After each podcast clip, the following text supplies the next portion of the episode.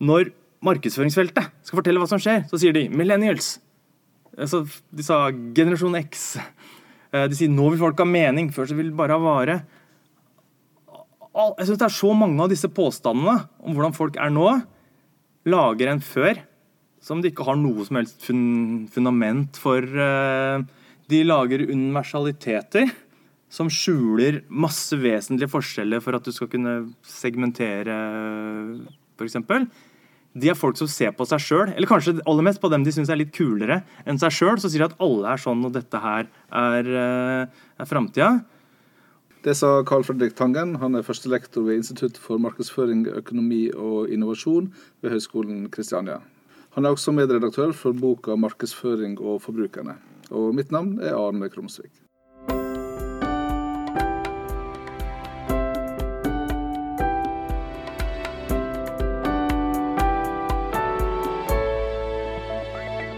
Er utdanna samfunnsgeograf. Jeg har um, jobba med hva som skjer i verden nå.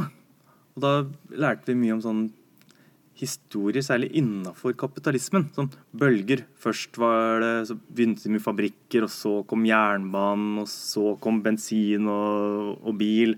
Um, og så kommer det IT eller noe sånt, og så, så skjer det noe i, i verden. Så jeg, jeg er opptatt av sånn økonomi og hva som skjer nå. Hvorfor bor folk i by, og hvorfor, også, også menneskelig side av det. Hvorfor er noen rike, og hvorfor er noen uh, fattige? Og, og, I en periode hvor jeg ikke studerte, men jeg bodde men hadde mye tid til å lese, så leste jeg sosiologen Pierre Bourdieu og hans uh, analyser av livsstil og smak og og klasseforskjeller. Og ble veldig fascinert av det. Som er sånn Hans prosjekt er jo bl.a. å avsløre at folk ikke veit sjøl hvorfor de gjør det de gjør. Det er ikke fordi du bare liker eh, fart at du liker BMW. Det er fordi faren din var elektriker. Altså, sånne type koblinger mellom oppvekst og hva du gjør i dag. Og da plagde jeg litt omgivelsene mine med den type avsløringer av hvor dårlig egenforståelse de hadde. Men så var det en jeg prata med, som sa at wow, dette er interessant. Du må komme og snakke med sjefen min, som jobber i Bates reklamebyrå. Og da hadde jeg et møte der som halvferdig samfunnsviter. Så sa han at ja, altså sånn forståelse av folk trenger jo vi i, i reklamebransjen. Altså, for vi må jo forstå folk bedre enn de forstår seg sjøl. For å informere dem som skal lage reklamen som skal, som skal kunne selge. Så da begynte jeg i, i reklamebransjen sånn rundt år 2000. Eh, uten at jeg noen gang egentlig hadde tenkt jeg hadde bare studert for å finne ut av, sam av samfunnet. Og blei veldig fascinert av det temaet. Og jeg begynte å lese mye mer målretta som samfunnsvitenskapen, altså antropologien som tok for seg forbruk, som kanskje ikke minst, jeg syns det er veldig interessant. Og så leste jeg markedsføringslitteratur, som jeg jo ikke hadde lest uh, før. Jeg leste Kotler og alle de innføringsbøkene i markedsføring og litt av journalartiklene. Og, og, jeg hørte mye foredrag fra bransjen, og, og jeg syns så mye var så dårlig. Jeg syns så mye av det jeg hadde lært om, om, verden hadde mer dybde enn det både det akademiske markedsføringsfaget og det profesjonelle markedsføringslivet hadde. Uh, så jeg syns det var et tema. Altså, det, hvorfor kjøper folk? Hva bør du gjøre for at det skal være effektivt? Hvorfor fins eh, bedrifter? Hvor kommer dette her fra? Hvor kan det gå? Det er så spennende tema, og det har blitt behandla på så dårlige, kjedelige måter. Eh, og mens jeg holdt på med det her, så syns jeg jo at det også fantes noen små sånne samfunnsvitenskapelige miljøer som gjorde ting som var litt interessant. SIFO blant dem. Og for et eh, par-tre år siden så ble jeg spurt av universitetsforlaget om jeg kunne være fagkonsulent eh, på en bok. og så viste det seg at det var et SIFO-prosjekt hvor de ville samle forskningsartikler og så lage en bok om samfunnsvitenskap og, og, markedsføring. Så jeg leste den og sa at her trenger vi noe annet. Dere har ikke så god forståelse av hva markedsføringsfolk eh, driver med, for dere blander bl.a. økonomenes economic man-modell og markedsførernes eh, sånn, forståelse av forbrukerne. Um, sånn at det, og dere mangler uh, noen sånne bruer som gjør at dette kan komme på pensum eh, i, i, i, på markedsføringsutdannelser. Så dette her, eh, her, må dere skrive litt om. Og Da ble jeg spurt om jeg kunne være medredaktør på den boka. Fikk opprykk, altså? Jeg fikk, jeg vet ikke om det er opprykk eller hva det er. Jeg, jeg måtte jobbe da, istedenfor å kritisere, som jo er mye vanskeligere. jeg liker jo den, altså det, er jo noe av det jeg liker med den samfunnsvitenskapelige tilnærminga til verden. er at den er så kritisk. Noe av det jeg misliker med den markedsføringsfaglige tilnærminga til uh, delvis til verden, selv om den er ikke opptatt av verden, den er opptatt av markedsføring, er at den er så instrumentell. Sånn skal vi, gjøre markedsføring uh, effektiv. Men i hvert fall så fikk jeg da være med på det prosjektet, og nå syns jeg at vi har uh, lagd en bok, eller nå har vi lagd en bok, som heter 'Markedsføring og forbrukerne samfunnsvitenskapelig blikk'. Altså hvor vi bruker samfunnsvitenskapelige verktøy for oss å forstå markedsføring. Og jeg syns vi har fått en bok som tar temaet på alvor og viser at uh, samfunnsvitenskap kan tilføre emnene uh, mer forståelse. Men Hva er det du ser med de brillene på som de som vanligvis underviser markedsføring, ikke ser?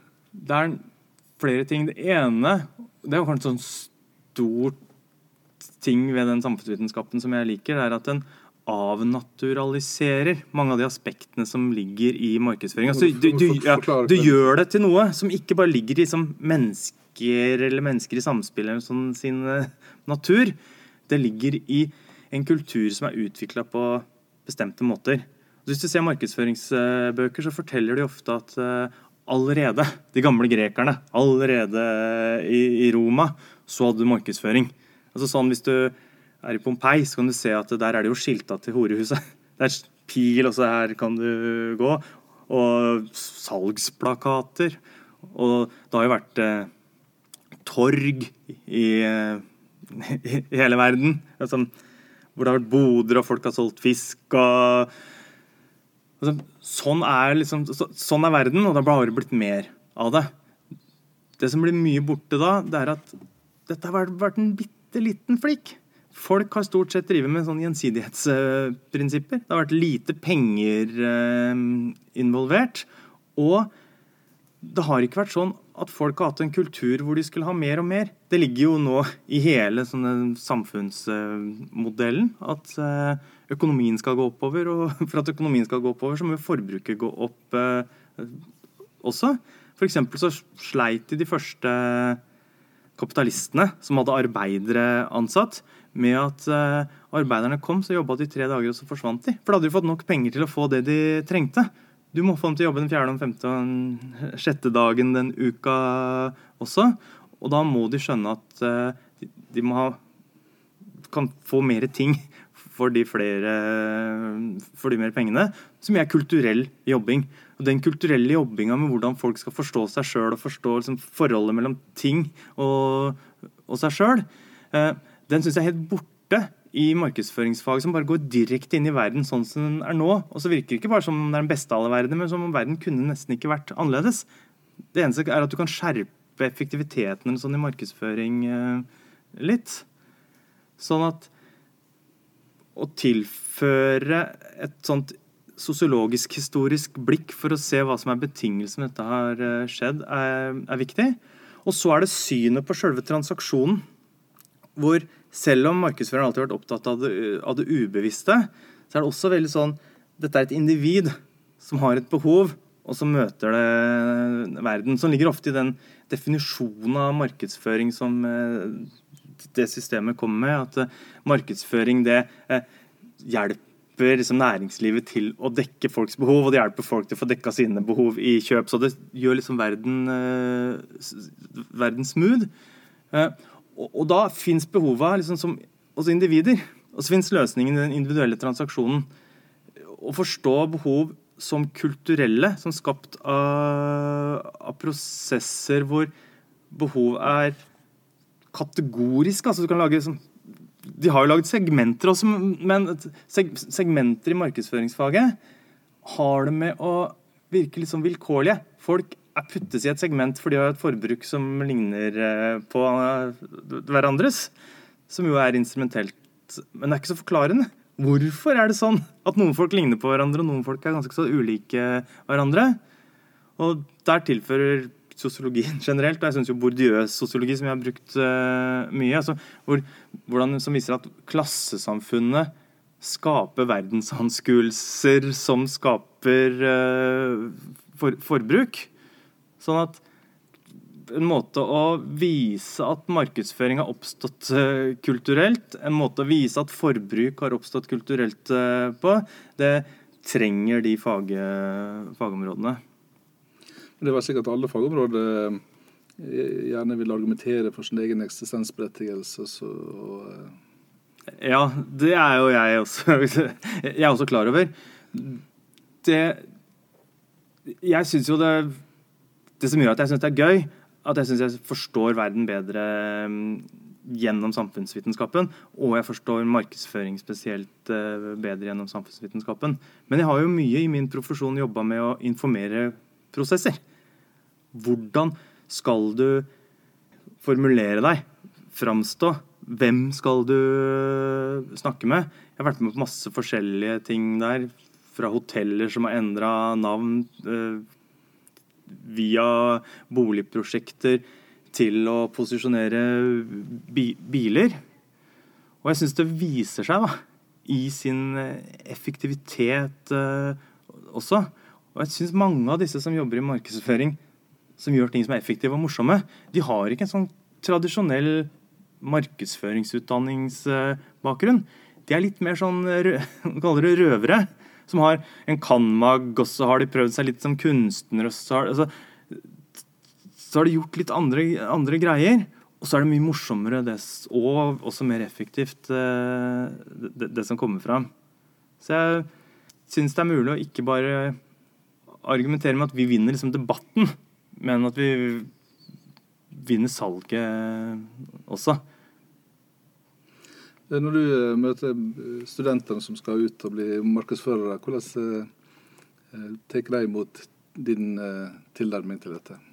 Når jeg klarer å være god empirisk, altså jeg klarer å vise fram fenomener i, som de kjenner igjen i hverdagen, så syns jeg ofte det funker. Jeg hadde metodeundervisning en periode, f.eks., og da fikk jeg dem Oppgava som de gjorde, det var at de skulle ha tre fokusgrupper. Og da skulle de ha én gruppe med dem som de gikk sammen med på ungdomsskolen, som ikke tok noen utdannelse etter videregående skole. Og så skulle det ha én gruppe med folk som var sånne som seg, altså som studerte på BI og Høgskolen Kristiania, og som studerte økonomisk-administrative fag og markedsføring og sånt. Og så skulle det ha én gruppe som tok fag som i samfunnet hadde høy anseelse, som medisin og juss og og så ga jeg dem litt sånn oppgaver. Dette er det dere skal spørre om, sånn livsstilsmessig. Og så kom de tilbake og så hadde liksom disse forskjellene i framtoning, i meninger og igjen da i bakgrunn, for de så hvem det var som hadde havna hvor. Da hadde disse forskjellene kommet fram i den, i, i den prosessen. Så fordi studentene lever jo i den der tida hvor du skal være individualist hvor smaken din skal være noe som kommer fra deg. Hvor samfunnet skal være meritokratisk. altså De flinke er, de som uh, når, uh, når, opp. Uh, hvor alle skal ha like muligheter, om det er kjønn eller klasse eller hva.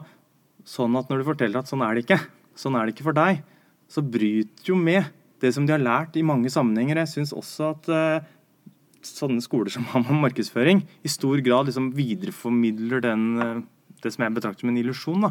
Men det fordrer mye empirisk framvisning fra meg for at de skal kunne vri tankene i, i den retningen. Ved å ha den innsikten, hvordan uh, tror du de vil uh, utøve faget sitt? Vil de gjøre det på en annen måte enn de som ikke har den, den uh, tilnærminga? Jeg tror for, for å gjøre mye, så bør det er det en fordel at du er refleksiv. altså Du tenker gjennom din egen rolle, din egne døm, dommer og, og, og, fordommer og din egen smak. og Jeg har f.eks. jobba med bilmarkedsføring. Og det som kjennetegner mange som jobber bilmarkedsføring, er at de er veldig glad i biler. Så jeg husker jeg hadde møte med markedsavdelingen til Citroën. Og de syntes det var så trist når de var ute i verden, for det var så mange av Citroën-eierne som ikke vaska bilen ofte nok. Mens eh, jeg er jo da veldig opptatt av hvordan folk som tilsynelatende ikke bryr seg om bil, bryr seg om bil. Og det å vise at du ikke At ikke bil er viktig for Altså det å ikke vaske bilen er en måte å vise at bil er ikke så viktig. Um, og, og, det er jo Om det er halve markedet eller noe sånt, det er svært marked for, for, for biler. Um, og sånn i reklamehistorien da, så er jo et av de mest kjente eksemplene er uh, markedsføringa for uh, bobla fra slutten av 50-tallet. Bill Burnbacks uh, reklamer for bobla. Think small. Altså, hvor det var da en periode hvor um, biler ble større og større for hvert uh, år. Og i tillegg, så, fordi det var liksom romfart på den tida, så fikk de mer sånn vinger. Og, og så var det jo vekst i den amerikanske økonomien. Så det var sånn en svær bil med sånne halevinger plassert utafor Ritz uh, hotell med folk i smoking som var liksom up and uh, coming. Det var en typisk bilreklame. Og alle gjorde det på en eller annen måte. altså du, Her kan du virkelig komme deg et stykke.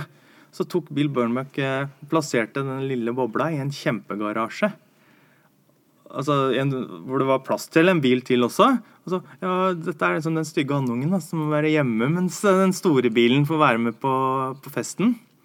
Eh, og det bidro til at uh, denne bilen, som jo hadde Tyskland-konnotasjoner altså, som, det var jo Da var jo andre verdenskrig ganske så nær.